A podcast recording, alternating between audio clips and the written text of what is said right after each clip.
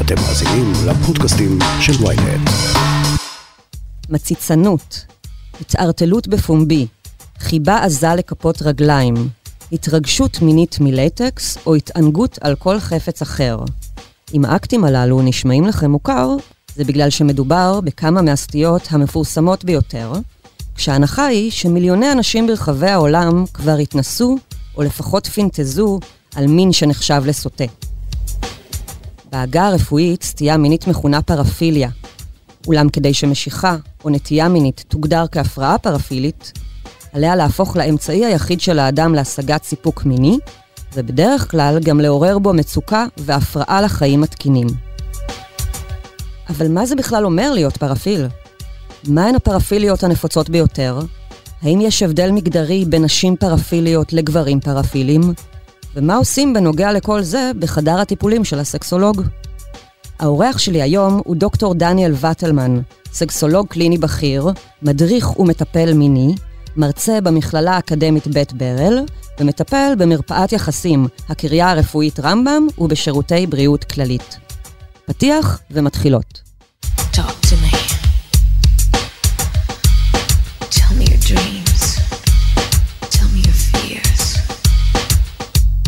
היי, אתם על סקס אפיל. אני לא רשתת מאור, והאורח שלי היום הוא הסקסולוג והמטפל המיני דוקטור דניאל וטלמן. היי, דוקטור וטלמן, תודה רבה שבאת. היי, בכיף. אנחנו הולכים לדבר היום על uh, סטיות מיניות, ואני ארצה שקודם כל תגיד לי, מה זה בכלל סטייה מינית, ומה מבדיל אותה ממשיכה מינית רגילה? אוקיי, okay, סטייה מינית, אנחנו מדברים על uh, משיכה מינית uh, לחפצים או להתנהגויות שהן לא בנורמה, שהן לא נורמטיביות. הסטייה המינית עברה ככה שינוי, פחות משתמשים במושג סטייה מינית, ונכנס המונח החדש יותר, שנקרא פרפיליה. בעצם הכניסו את המונח הזה כי סטייה מינית היא מונח שלילי בעצם, נכון? סטייה או... מינית, בדרך כלל המושג סטייה יש קונוטציה לא חיובית, על אחת כמה וכמה, כאשר אנחנו מדברים על סטייה שהיא גם מינית. אז אה, כן, יש לזה שיפוטיות, ערכיות, אז uh, מצאו מילה שהיא יותר ניטרלית. אוקיי, okay, ומה אתה יכול לספר לי על, uh, על פרפיליה? פרפיליה, אנחנו מדברים על uh, הגדרה שנמצאת ב-DSM. DSM זה ספר האבחונים הפסיכיאטרי האמריקאי, ופרפיליה מוגדרת כמשיכה מינית אינטנסיבית מאוד, חזקה מאוד, בשכיחות מאוד גבוהה, לעצמים או להתנהגויות שאינן מקובלות חברתית באותה תקופה, והמשיכה הזאת והדחף הזה מלווה בפנטזיות, מלווה לפעמים בהתנהגות, וזה אמור להימשך לפחות שישה חודשים, כדי שנוכל להגדיר שיש לנו פה סטייה מינית או פרפיליה. אהה, אוקיי. ומהן הפרפיליות הכי מפורסמות? אה, ב-DSM מופיעים אה, שמונה פרפיליות. אה, פדופיליה אולי המוכרת ביותר, אקסביציוניזם, שזה חשיפה בציבור, בלי הסכמה של האחר, וזה מרגש אותו, סדיזם, מזוכיזם, פרוטריזם. מה זה? פרוטריזם. פרוטריזם זה להתחכך באנשים במקומות הומי אדם. וואו. ויש לנו transvestite fetishism. בנוסף, יש לנו פטישיזם, אני לא יודע אם הזכרתי. סך הכל יש לנו שמונה פרפיליות שמופיעות ב-DSM הנוכחי. איזה פרפיליות היו בעבר שלא קיימות היום? זאת אומרת, אני מניחה שהרשימה הזאת כל הזמן בשינויים. הומוסקשואליות. שהומוסקשואליות הייתה כהפרעת מגדר והפרעה מינית אה, הומוסקשואלית, שב-1974 או 73 היא הוצאה מתוך ה-DSM. אני ככה אקח את הזמן ואני ארחיב רגע. כאשר אנחנו מדברים על פרפיליות, על סטיות מיניות, אנחנו לא מדברים על בעיה בתפקוד המיני. Mm-hmm. קטגוריה נוספת ב-DSM זה בעיות בתפקוד המיני. אז לא על זה אנחנו מדברים, אנחנו מדברים על סטיות מיניות או פרפיליות. אתה יכול להרחיב טיפה על כל פרפיליה? כן, אני בהחלט. פדופיליה, אנחנו מדברים על uh, משיכה מינית לילדים שטרם בגרו, בנים או בנות, בדרך כלל ילדים מתחת לגיל 12. טרם בגרו מבחינה מינית, כן, התפתחותית. כן, שאין להם סממני מין משניים, כמו צמיחת חזה או דברים כאלה, אז משיכה מינית. עוד נקודה בהקשר, ככה לפני שאני מרחיב עוד, אנחנו מדברים על אה, משיכה מינית, עניין מיני בלעדי לאותו תוכן שאני מדבר עליו, והיא מאוד מאוד אינטנסיבית וחזקה. אה, עכשיו, אז פדופיליה זה משיכה מינית לילדים, מתחת לגיל 12. פדופיל אמיתי, מה שנקרא, יש כזה דבר בספרות, truly pedophile, זה אדם שהמשיכה המינית שלו היא אך ורק לילדים. אה, אני אעבור הלאה. בניגוד לאנשים שיכולים לפגוע מינית בילדים, והם לאו דווקא נמשכים אליהם. נכון, נכון. יש לנו אנשים, יש מקרים של אנשים שמבצעים עבירות מין כלפי ילדים, ואין להם, הם לא בהגדרה של פדופיליה. הם לא פדופילים, הם פוגעים מינית. אה, אני אמשיך הלאה, יש אקסביציוניזם, זה חשיפת איבר המין בציבור, בלי הסכמה של האחר. אנחנו לא מדברים על מופע מין או משהו כזה, שאנשים קונים כרטיסים כן, ומגיעים, כן, כן. אלא זה נעשה ללא הסכמה. למשל, זה... גבר שעומד ברחוב עם האיבר שלו בחוץ. בדיוק, בדיוק. לרוב הוא נוגע בעצמו, אה, מאונן את עצמו, והמצב הזה גורם לריגוש מאוד גבוה אצלו. הוא מחפש גם את התגובה, את המבוכה, את הפחד אצל הקורבן שלו. אז זה אקסביציוניזם. ויוריזם, זה אולי הצד השני של המטבע, זה אה, אנשים שנהנים להציץ, אוקיי? לראות אנשים אחרים בעירום, או תוך כדי קיום יחסי מין, גם פה ללא הסכמה. לא מדובר על מישהו שהולך לפיפ שואו ומשלם ומסתכל, אלא האלמנט הוא ללא הסכמה. האדם עם המשקפת שמציץ אה, בחלון בדיוק, של מישהו. בדיוק, כן. בדיוק. כן, אז זה לא חוקי, אוקיי? אה, יש לנו פטישיזם, שזה משיכה מינית, עוררות מינית, לחפצים דוממים. לחפץ דומם, שמקבל אנרגיה ומשמעות מינית עבור אותו בן אדם. גם פה אנחנו יכולים להסתכל על זה ב, ברצף. זה לא שימוש, ב, נגיד, באביזרי מין או בצעצועי מין לצורך עינוג וכיף מיני, אלא הוא חייב את הדבר הזה, mm. ולעיתים, במצב הקיצון, אך ורק לדומם הזה הוא נמשך, אוקיי? אה, הוא, הוא חייב שהדומם יהיה, יהיה בחדר, ולפעמים הדומם הוא מספיק לו. בדיוק, בדיוק. ולפעמים הוא יעדיף את הדומם על כל קשר מיני עם מישהו אחר, אנושי. אה, יש לנו אה, פרפיליה נוספת, שזה טרנסווסטיזם פטישיסטי, קצת דומה לקודם. אנחנו מדברים על ריגוש והנאה מינית ופורקן מיני מלבישת בגדים של המין השני. Uh-huh. זאת אומרת, לרוב אנחנו מדברים על גברים הטרוסקשואלים, שללבוש בגדי נשים מעורר אותם מינית. אה, מדליק אותם, מעורר אותם מינית, גם פה אם ניקח את זה ל... על הרצף, אז אנחנו מדברים על אנשים שזו הדרך הבלעדית להגיע לריגוש מיני, להנאה מינית. כמו מופע קולנוע של רוקי. אז... בדיוק, בדיוק, בדיוק, נכון. ויש לנו סדיזם, שזה ריגוש והנאה מינית מגרימת סבל או השפלה לאחר, מן הסתם, אנחנו מדברים במצב שזה, אולי אני אדייק את זה בהמשך, אבל מה שמעורר את הבן אדם הזה מינית זה גרימת סבל והשפלה לאחר. במצב הקיצון זה הדרך הבלעדית של אותו בן אדם להגיע לריגוש והנאה מינית. עוד נקודה ככה שחשוב כבר לומר אותה, יש הבדל בין פרפיליה לבין הפרעה פרפיליה. אהה, כן, תכף נגיע בזה. אוקיי, אז זה לגבי סדיזם ומזוכיזם, זה אולי הצד השני של המטבע. אנחנו מדברים על אדם שיש לו ריגוש מיני, הנאה מינית, סיפוק מיני, מגרימת סבל והש... ו/או השפלה לעצמו. אהה. או לעצמו, או שמישהו אחר יגרום לו כאב, סבל, ישפיל אותו, וזה מרגש אותו מינית. בעצם חלק מהפרפיליות אה, הן פליליות, כמו פדופיליה, וחלק הן מקובלות, כמו פטישיזם, למשל. זאת אומרת, זה לא מקובל, אבל, אבל זה לא עושה רע, לא מזיק לאף אחד. נכון, נכון. אז, אז למה החלי, הכניסו את כולם לאותה רשימה? הכניסו את כולם לאותה רשימה בגלל הממסד הפסיכיאטרי, כי חלק מה-DSM, אז אני רק אגיד, DSM זה Diagnostic Statistical Manual, אז יש גם משהו סטטיסטי, הסתברותי, שקורה אצל רוב האנשים, אז רוב האנשים לא נמשכים אה, לאותם דברים שדיברתי עליהם כרגע, ולכן זה החריג. עכשיו, הד... חלק גדול, או חלק מהפרפיליות האלה, הן גם באות לידי ביטוי בהתנהגויות שנעשות ללא הסכמה, והן פוגעות באחר. ואז אנחנו מדברים על אקט פלילי. אני אעשה אתנחתא רגע ואני אגיד, יש הרבה מאוד עבירות מין שמבוצעות על ידי אנשים שאין להם פרפיליות, אין להם סטיות מיניות, אי אפשר להגדיר אותם כאנשים עם סטייה מינית, אבל הם עברייני מין. אה, אז מה ההסבר שלהם? מה ההסבר ההתנהגותי שלהם? יש הרבה סיבות למה אנשים פוגעים מינית, אם תרצה אני ארחיב על זה, אבל אנשים פוגעים מינית כי יש להם הזדמנות, כי זה מרגש אותם, כי הם יכולים, כי הם רצו לעשות משהו אחר ולא הייתה הסכמה, אז הם... אה, אבל הריגוש שהם חווים מזה אינו בהכרח ריגוש מיני, ועל בדיוק. כן הם לא פרפילים. נכון, נכון. הוא לא בהכרח ריגוש מיני, יש פה אג'נדה נוספת, מטרות נוספות, הוא יכול להיות גם מיני, אבל זה לא מה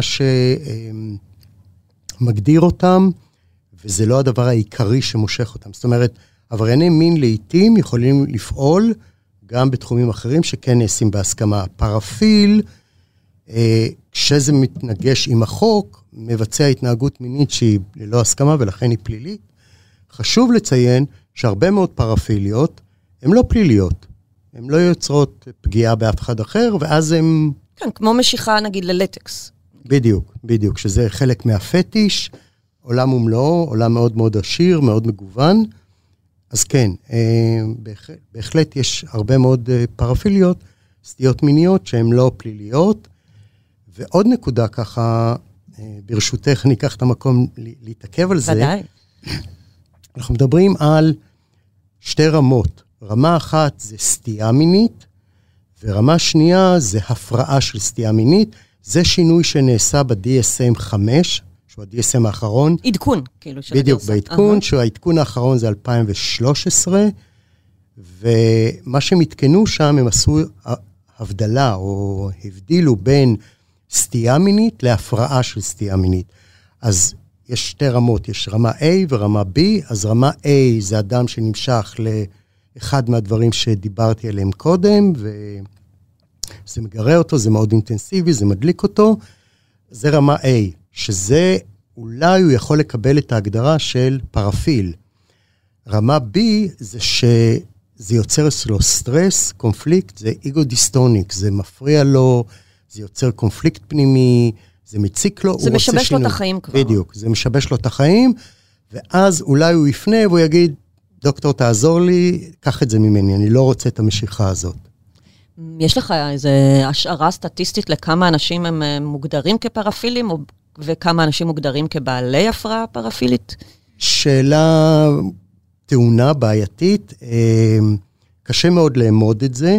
הערכות מדברות על סדר גודל של בין 2 עד 3, לפעמים עד 5 אחוז מכלל הציבור, שיש להם איזושהי משיכה או הנאה מינית לדברים שהם הוזכרו קודם, לפרפיליות. אבל אנחנו לא יודעים. רוב המחקר נעשה על אנשים שיש להם פרפיליה, אבל ביצעו עבירות מין. אז רוב המחקרים נעשים על אה, אנשים שביצעו עבירות מין, ופחות על כלל הציבור שיש להם סטייה מינית. כי הוא מראש לא מגיע לכותרות, הוא לא מגיע לטיפול, לא, אין, לא, אין עליו שום מידע. נכון. הם, לרוב, האנשים האלה, כשהם לא מסתבכים עם החוק, וזה בזמנם הפנוי, הפרטי, הם לא פונים לטיפול, כי הם סבבה עם זה, הם בסדר גמור עם, עם המשיכה המינית שלהם, גם אם היא קינקית או שונה או מוזרה, הם בסדר עם זה.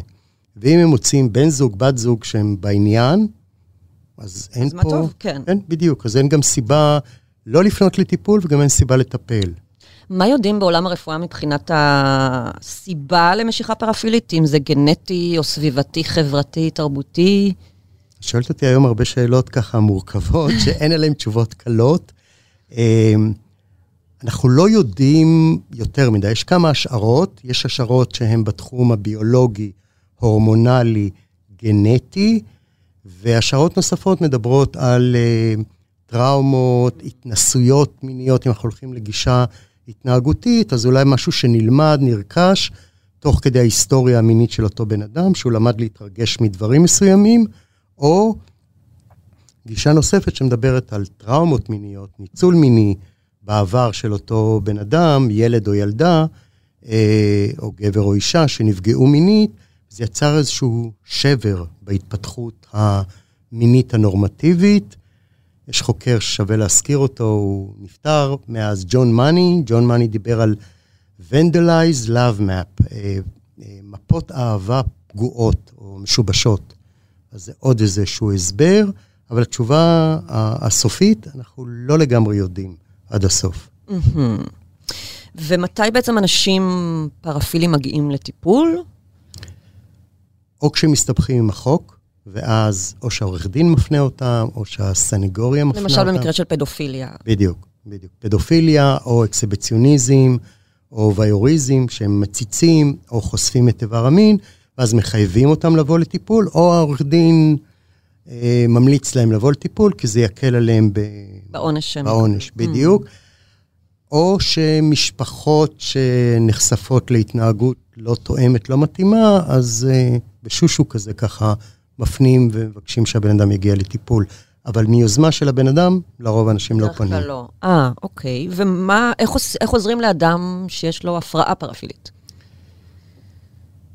יש כמה דרכים. א', אולי קודם תיתן דוגמה לאיך זה עלול להשפיע לרעה על החיים, או לשבש לרעה חיים, או זוגיות אוקיי, למשל. אוקיי, ו... אוקיי. היו מקרים, כמובן בלי תיאור יותר מדי מדויק, אנשים שיש להם משיכה מינית לעצמים מסוימים, או להתנהגות מסוימת, והם לא פתחו את זה עם בת הזוג, הם נמצאים בזוגיות, לא פתחו את זה עם בת הזוג. לפני כן יכול להיות שזה מפריע להם למצוא בת זוג, והם לא, לא שיתפו, לא סיפרו, ומסתירים את זה, כי הם מתביישים הרבה פעמים, בושה, הרגשה לא טובה, והם מתקשים לתפקד מינית עם בת הזוג, ונמנעים ממין, דוח, דוחים את המין, מוצאים, כן, תירוצים למה לא, והם מגיעים כי הם במצוקה, הם לא מצליחים לתפקד מינית, מה שנקרא מין ונילי או מין רגיל או מין נורמטיבי, ואז הם פונים מתוך מצוקה, כי זה פוגע להם בחיים, זה משבש להם את החיים. אה, אני יכול לתת דוגמה, אם, אם את רוצה, כן, מישהו ש, שהיה אה, מגיע לעוררות מינית, ריגוש מיני מנעילת מגפיים של נשים, וזו הדרך הבלעדית שלו להגיע לעוררות מינית, או שבת הזוג שלו הייתה צריכה להיות עם מגפיים, הייתה צריכה לדרוך עליו, הייתה צריכה לגרום לו לכאב, להשפלה, ובלי זה הוא לא מגורה מינית, והוא דחה, דחה, דחה, והוא כן בקשר זוגי, אוהב, אה, ובת הזוג לא הבינה, ורצתה להיפרד, ואז הוא פנה לטיפול. דחה היא... את הגילוי על זה? דחה את הגילוי. אה, אז, אז הוא היה עושה את זה בסתר? הוא היה עושה את זה בסתר, הוא היה עושה את זה עם uh, מלכות. אה, בתשלום. מלכות סקס, בתשלום. כזה. ואו דרך אוננות, שלא עם עצמו, עם פורנוגרפיה, אבל ממנה זה היה סוד. היא לא ידעה על שום דבר, וחלק מהתהליכים לטפל ולנסות לעזור, זה א', לראות אם הבן אדם, אם המשיכה המינית הזאת היא בלעדית, האם זה רק זה, וכמו שאמרתי קודם, הבן אדם פונה לטיפול, הוא במצוקה, הוא רוצה עזרה. אם הוא לא רוצה עזרה, אם הוא לא במצוקה, אז הוא לא פונה. נכון. וכשהוא פונה והוא במצוקה, אה, אני, הבירור הראשוני יהיה אם, אה, אם יש עוד דברים אחרים שמושכים אותו מינית, מחוץ לפרפיליה, מחוץ לסטייה המינית, האם יש משהו ש... נקרא לזה, משהו שאפשר לעבוד איתו. Mm-hmm. ואם אין, אז אנחנו בבעיה. Mm-hmm. זאת אומרת, הוא בבעיה. כן. אה, וכש... כי זה הדבר היחיד שמראים, מדליק אותו במקום המיני. בדיוק. אז במקרה הזה, מה שאני אנסה לעשות, או מה שאני אציע, זה לשלב אותה. אה, את בת הזוג. את בת הזוג, ולאט לאט שהיא תתוודה ותדע על מה מדובר. והיו מצבים כאלה שבת הזוג אמרה, אה, וואו, אז למה לא אמרת את זה קודם? אני בסדר עם זה. Mm.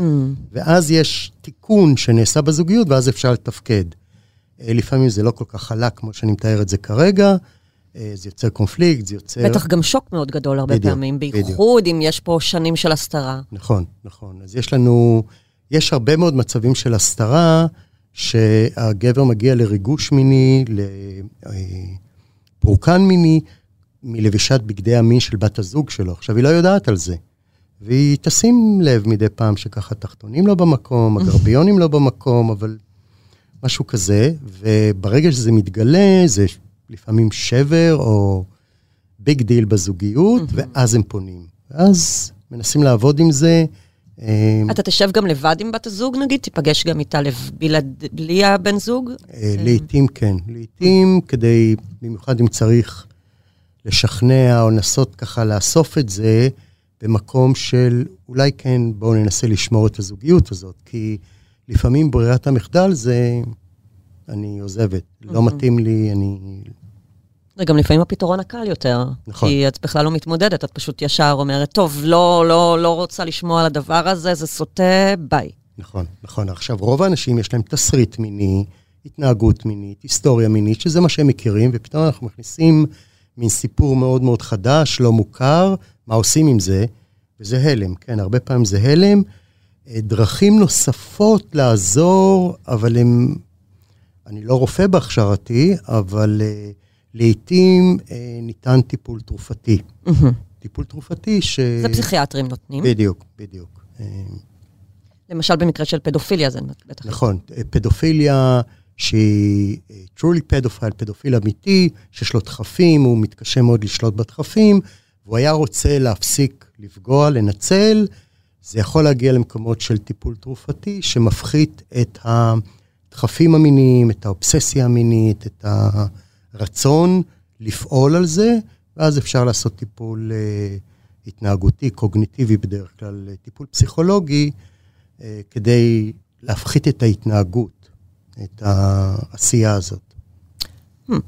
Uh, מה באמת uh, לגבי, האם אפשר לבטל נטייה פרפילית. זאת אומרת, אם אדם בא אליך ואומר לך, דוקטור, תעזור לי, אני ממש לא רוצה את המשיכה הזאת שנכפתה עליי, אבל זה מה שמושך אותי, וזה, וזה לא נעים לי, אני רוצה קשרים נורמליים, אני רוצה מין ונילי, אני רוצה להכיר בחורה בלי שאני אצטרך לבקש ממנה ללבוש את זה, או לעשות את זה, או שינכח בחדר החפץ הזה. אז גם כאן אה, מורכב. אם בן אדם מגיע עם... סטייה מינית, פרפיליה, והוא אומר, תקשיב, מאז שהייתי קטן, זה מה שהדליק אותי, זה מה שמשך אותי, זה מה שעושה לי את זה, אני לא רוצה להיות כזה, אני רוצה, תיקח את הדבר הזה ממני. תעשה לי טיפולי המרה. בדיוק. אז אין טיפולי המרה, אה, לא בהקשר הזה ולא בהקשרים אחרים. אה, וזה גם ההזדמנות, אז, אז אי אפשר לעשות, אי אפשר להפסיק, אה, אני הייתי אומר, זה משיכה מינית, פרפיליה שהיא כרונית. היא קיימת לתמיד. זה לא משהו שהוא בר שינוי, וגם פה אה, אפשר לקחת את זה ו- ולראות איך ב-DSM לאורך השנים עשו שינויים. אני רק ככה ב... לא יודע כמה זמן יש לא, לנו, אבל... בסדר. אוקיי, בסדר גמור. אז ב-DSM, בהתחלה, ב-DSM 2, סיווגו את הסטייה המינית, את הפרפיליה, כהפרעת אישיות. אה, וואו. אוקיי? כ-personality disorders. כל הפרפיליות? כל, כל מי שיש לו פרפיליה, יש לו הפרעת אישיות. בדיוק. וואו. פרוורסיה, אצל פרויד זה היה פרוורסיה, סטייה מינית, וזה חלק מהאישיות, וסיווגו את זה כהפרעת אישיות. זה אני מדבר ככה על שנות ה-70, אני לא טועה, DSM 2. ב-DSM 3, במהדורה המתקדמת יותר, אה, כללו את הפרפיליה כהפרעה פסיכומינית, שכללה גם הפרעות במגדר. ואז גם שם, באותה חפיפה, הכניסו אה, משיכה מינית הומוסקשואלית, איגו-דיסטוניק. זאת אומרת, במיוחד דובר על הומוסקשואלים שיש להם קונפליקט פנימי. בהמשך לשאלה שלך מקודם, יש להם קונפליקט פנימי, הם לא רוצים להיות Aha, הומוסקשואלים. רוצים למשך לנשים. בדיוק. אנחנו יודעים שזה מה יש ואי אפשר לשנות את זה, שזה בסדר. ואני ככה ממשיך עוד קצת, ב-DSM 4 אה, הכניסו את המושג פרפיליה, במקום sexual deviation, הכניסו את המילה פרפיליה והתחילו להשתמש בה. ב-DSM 4TR, שאנחנו מתקדמים בזמן, עוד מעט אנחנו מסיימים. לא, לא, אני...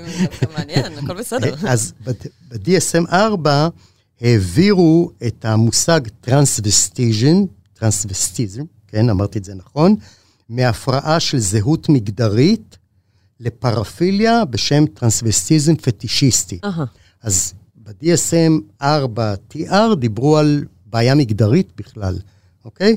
וב-DSM האחרון, DSM 5, הזכרתי את זה קודם, עשו שינוי משמעותי, מדברים על סטייה מינית או פרפיליה ועל הפרעה פרפילית. עכשיו, יש אנשים שיש להם פרפיליות, אבל אין להם הפרעה. כן, כן. אין פה מצוקה נכון. קלינית, אין במה לטפל. אמ, יש הבדלים מגדריים בין אה, גברים פרפילים לנשים פרפיליות? ביג טיים. וואו. כן. זה מאוד ייחודי לגברים, מאוד מאפיין. אה, יש יותר גברים בעלי נטיות פרפיליות מנשים. כן. הספרות מדברת על 1 ל-30, זאת אומרת, על כל 30 גברים אולי אישה אחת. אני אשתף שבעבודה הקלינית שלי, אה, אם זה מרפאה ציבורית או מרפאה פרטית, מעולם לא נתקלתי באישה עם פרפיליה. אה. Okay? כמה שנים אתה עובד כבר? יותר מ-20 שנה, 25 שנים. יש, עצרת רגע לחשוב. כן, כן, כן, הייתי צריך לספור, כן. אז uh, לא נתקלתי בתלונה או במצוקה סביב... זה לא אומר שאין קינקיות במין, אבל זה לא על זה אנחנו מדברים. אנחנו לא מדברים על גיוון. כן. אנחנו מדברים על משהו שהוא ייחודי והוא סטייתי. אה, אם אני אדבר למשל רגע בהקשר, בהמשך לשאלה שלך על פדופיליה, מאוד מאוד נדיר שיש נשים פדופיליות. Mm. זה מאפיין גברים. יש אה, איזשהו הסבר לזה? מישהו בספרות נתן איזה הסבר?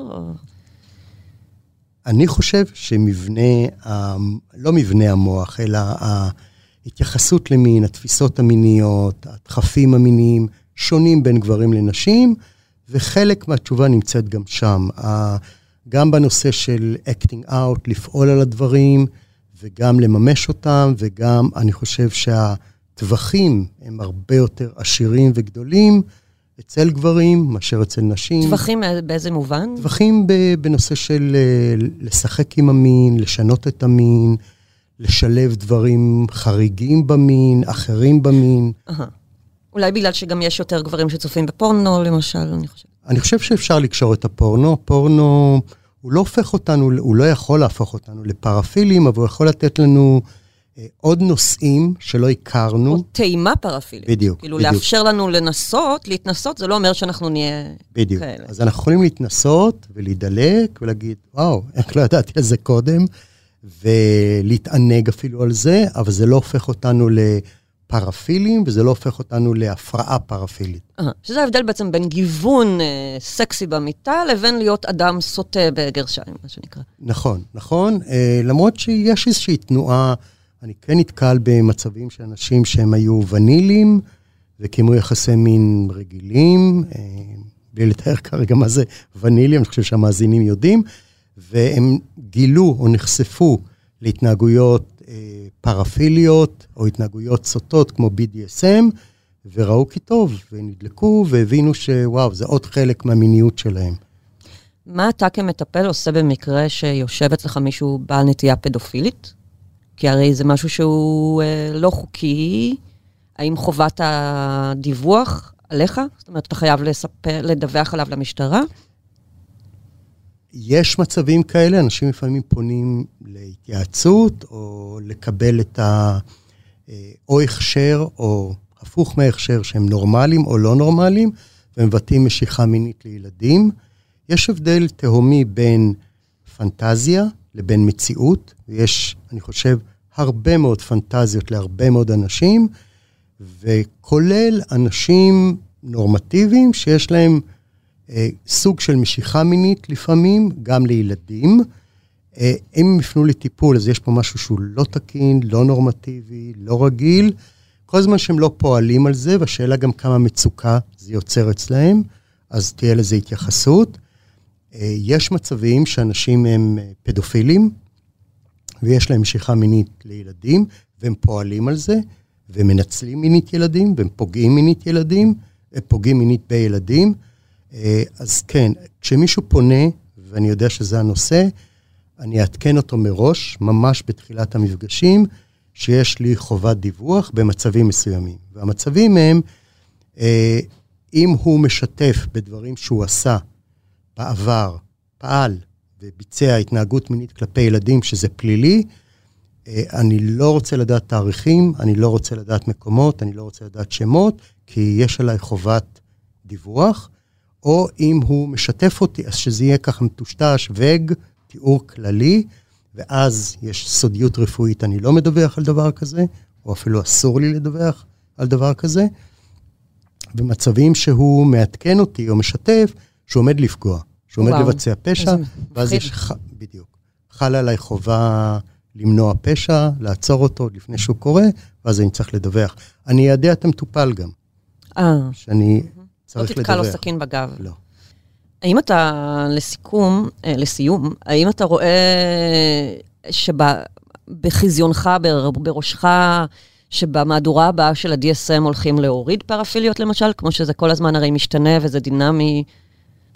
אני חושב שכן, ואם אני צריך להמר, כי אני לא יושב בוועדה שחוקרת את זה, אבל אם אני צריך להמר על איזה פרפיליה כנראה תצא החוצה, זה טרנסווסטיזם, טרנסווסטיזם פטישיסטי. אה, אותם אנשים שלובשים את הבגדים של בני המין השני. בדיוק, בדיוק. כי אין פה משהו שהוא פלילי, mm-hmm. אין פה משהו שהוא פוגע, וגם במצבים של קונפליקט פנימי עמוק, בהקשרים האלה, אה, זה קצת יותר פתיר, קצת יותר אפשר לנהל את זה, וזה... ואני מהמר שזה הדבר הבא ש... שיוצא מה-DSM. מהמם. דוקטור וטלמן, תודה ענקית שהגעת אליי.